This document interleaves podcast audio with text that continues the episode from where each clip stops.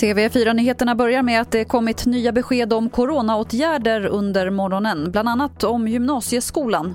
Folkhälsomyndighetens rekommendation om gymnasieskolan förlängs men justeras.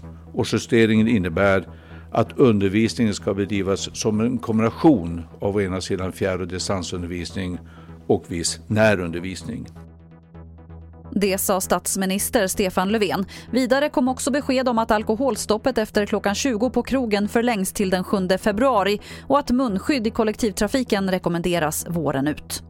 För att få igång resandet vill flera turistländer i Sydeuropa införa gemensamma regler om ett vaccinpass så att den som är vaccinerad kan resa fritt. I Danmark till exempel jobbas det på att få fram ett sånt intyg men för svenska resenärer är det fortfarande oklart vad som kommer att gälla. Här har ingen myndighet än så länge fått i uppdrag att ta fram något vaccinpass.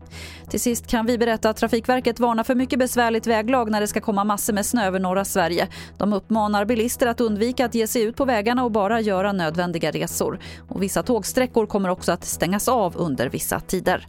Det var det senaste från TV4 Nyheterna. Jag heter Lotta Wall.